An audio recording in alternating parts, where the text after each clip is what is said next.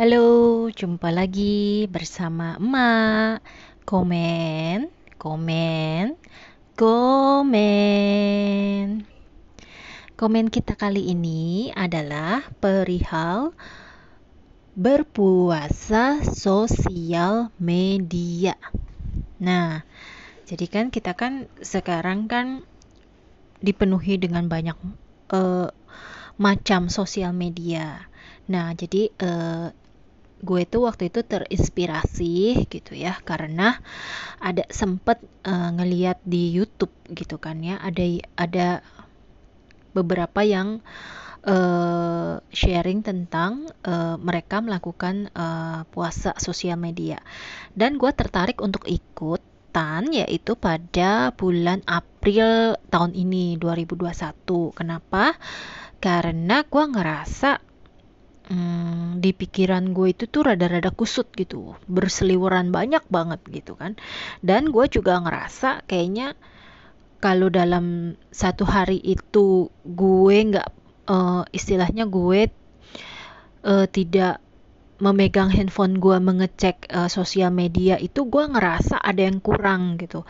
Dan gue ngerasa gue belum merasa me time. Gue kayak seakan-akan gue tuh belum ngerasa istirahat di hari itu gitu. Dari dari kesibukan gue uh, mengurus rumah tangga ataupun maupun bekerja gitu ya.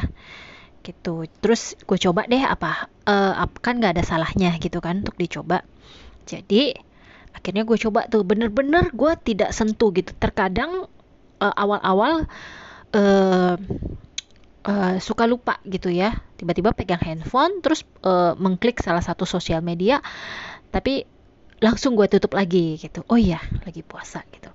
Nah jadi setelah selama sebulan itu gue bener-bener berpuasa itu tuh yang gue rasain itu adalah gue banyak sekali memiliki waktu luang.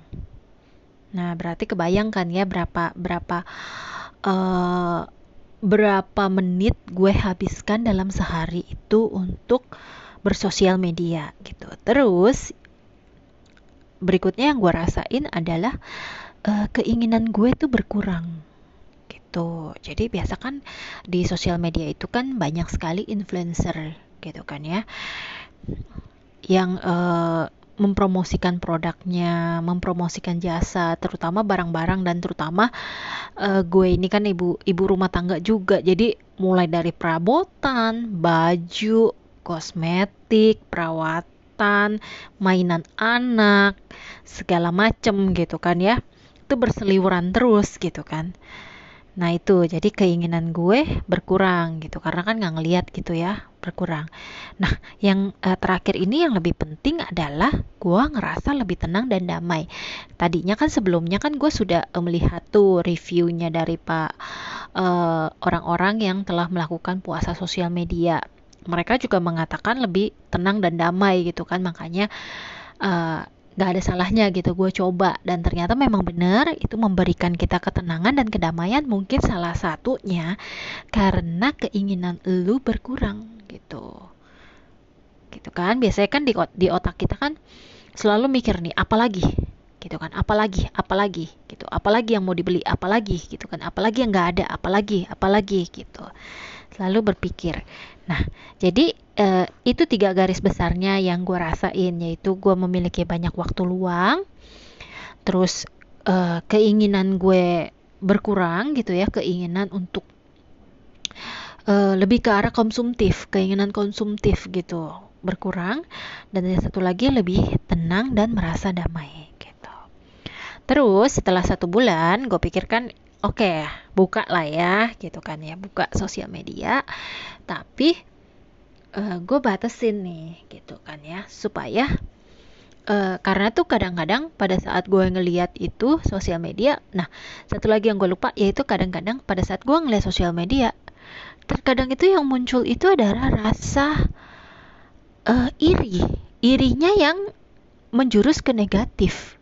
Jadi uh, istilahnya apa ya? Gue jadi lupa. Istilahnya itu bukan nyinyir ya nyinyir. Apa gimana gitu loh. Nyinyir ngelihat orang punya ini eh uh, gini doang. Atau uh begini. Uh begitu. Kok jadi malah jadi negatif gitu kan ya?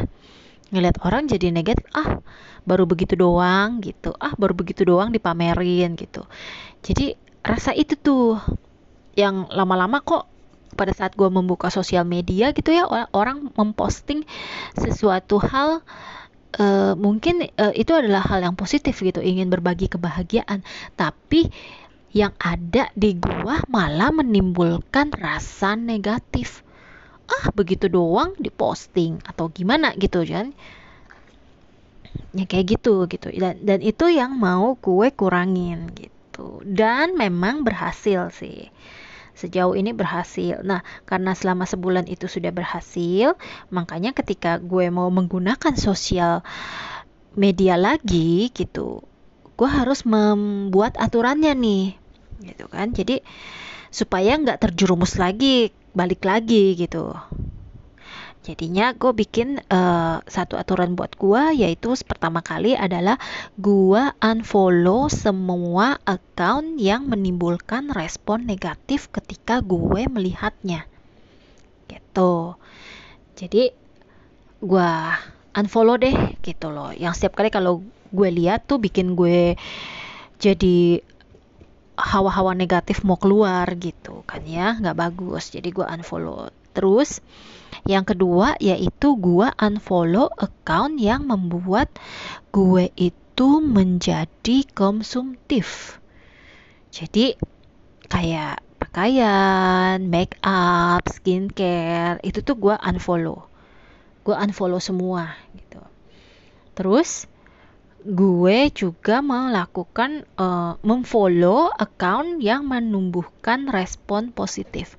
Jadi kan ada ada account itu yang mereka suka sharing mengenai eh, hal-hal uh, yang positif gitu kan ya. Sebenarnya sih balik lagi hal-hal positif dan negatif itu kan sebenarnya dari kita yang mau ngeresponnya. Tapi gue ngerasa cocok gitu kalau gue ngelihat uh, postingan-postingan mereka itu gue ngerasa lebih termotivasi, lebih semangat, merasa lebih damai gitu. Nah, gue uh, memfollow account-account tersebut.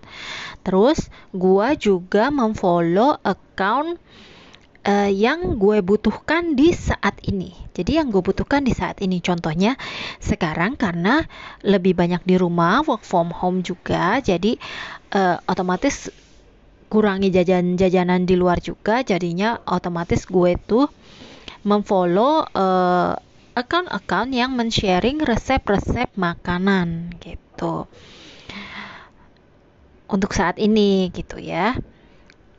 Jadi sesuai sesuai kebutuhan gue misalkan nih sewaktu-waktu gitu sewaktu-waktu ada perabotan rumah tangga gue atau gue ada kebutuhan misalkan gue membutuhkan misalkan gitu ya gue membutuhkan uh, se uh, sepeda gitu. Nah otomatis nanti gue baru akan cari gitu. Gue akan uh, cari dan gue akan follow gitu. Kira-kira uh, sepeda apa sih yang yang yang oke okay nih dari segi kualitas dan harganya gitu. Sebelum gue putusin untuk membeli gitu. Jadi hal-hal yang seperti itu case by case. Kalau gue butuhkan gue follow. Setelah udah selesai ya udah gitu Terus eh, yang kelima itu adalah kalau misalkan gue lagi penat gitu ya, itu tuh biasanya gue akan lari untuk nonton YouTube yang kocak-kocak yang bikin bisa gue ketawa gitu loh. Jadi gue nggak peduli, uh, maksudnya itu adalah account orang ada yang bilang ya uh, video uh, sampah gitu kan ya istilahnya yang diposting itu tidak berguna tapi uh, selama itu bagi gue bisa bikin gue ngakak di saat gue penat gue akan tonton itu gitu. Dan gue akan tahu gue sih tidak uh, apa gue tidak memfollow tapi gue hanya nyari nih gue udah tahu nih account ini nih yang bisa bikin gue ketawa kalau gue lagi mumet. Gue akan cari tapi gue nggak subscribe gitu gue nggak subscribe. Jadi gue cari aja kalau selagi gue butuh gitu berdasarkan kebutuhan gitu jadi nggak setiap kali gue buka YouTube dia lagi dia lagi yang muncul gitu kan ya. Nggak nggak seperti itu gitu. Jadi ini kan uh, berdasarkan uh, pengalaman gue sendiri nih sampai sekarang gitu. Un jadinya untuk menentukan uh, mana yang uh, memberikan nilai positif mana yang nggak berguna gitu. Jadinya kita uh, harus saring-saring pinter-pinter untuk menyaring-nyaring sendiri gitu. Jadi kalau lo berasa kok kayaknya gue ngeliat account ini bawaannya mau marah, kok bawaannya gue nyinyir, kok bawaannya gue ngiri-ngiri yang ke arah negatif bukan ke arah termotivasi untuk berbuat hal positif itu sebaiknya lu uh, pertimbangin deh apakah perlu masih perlu di follow atau enggak masih perlu lu lihat atau enggak gitu. Terus uh, tapi gue bilang bukannya sama sekali lu tidak menggunakan gitu ya. Jadi kalau misalkan misalkan lu ini memang selegram atau lu ini memang menggunakan sosial media untuk kebutuhan pekerjaan lu atau untuk kebutuhan bisnis lu. Jadi selagi sosial media itu memberikan dampak yang positif lebih banyak buat lu, jadi silakan lu pergunakan dengan bijak. Contoh, sebagai selegram. Selegram otomatis kan dia menggunakan sosial media untuk uh, supaya berpenghasilan gitu, untuk mencari penghasilan. Nah, di sana kan dia mendapatkan keuntungan yaitu berupa pendapatannya dia gitu, berupa uang gitu. Jadi it's okay gitu menggunakan sosial media, nggak usah sampai terlalu parno dan no menolak gitu kan ya. Nggak apa-apa gitu asalkan itu membawa keuntungan uh, buat lu dan lu bisa uh, membatasi gitu. Membatasinya dalam artian dari segi waktu itu uh, berapa lama sih yang uh, lu uh, kasih gitu loh waktu untuk lu bersosial media gitu? Semisalkan nih semisalkan lu bukan selegram atau yang tidak uh, mempunyai uh, bisnis atau yang berhubungan dengan sosial media lu tetapin berapa lama waktu yang akan lu habisin untuk bersosial media. Karena memang sosial media itu kan didesain lu scroll scroll terus scroll terus ke apa ke bawah terus nggak akan ada habisnya. Tahu-tahu udah setengah jam tahu-tahu udah satu jam gitu.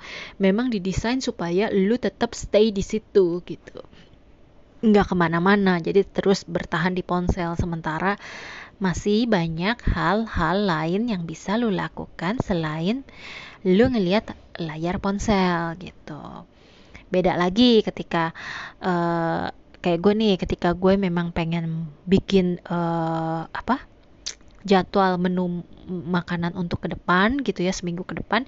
Nah itu gue cari-cari tuh di cari-cari resep gimana cara masaknya bahan apa yang mesti gue siapin gitu kan Nah itu biasanya gue uh, memberikan waktu yang lebih gitu di waktu yang kosong itu.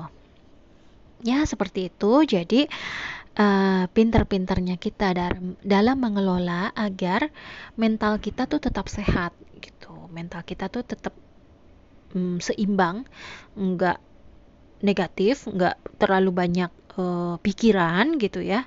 Karena manusia itu memang visual kan ya. Dia selalu melihat melihat e, rumput tetangga itu selalu lebih hijau gitu. Jadi supaya tidak terlalu terpancing yang akhirnya bikin emosi sendiri gitu ya. Ada baiknya kalau yang mau nyoba sih silakan gitu. Nggak usah lama-lama deh coba dulu tiga hari atau minimal tujuh hari lo coba gitu kan ya ntar lo rasain sendiri manfaatnya gitu okay, ini uh, cuman sharing aja pengalaman dari gue. Silakan kalau misalkan ada yang bermanfaat silakan dilakukan, tapi apabila tidak ada ya dilewati saja. Terima kasih, sampai jumpa di episode berikutnya. Bye.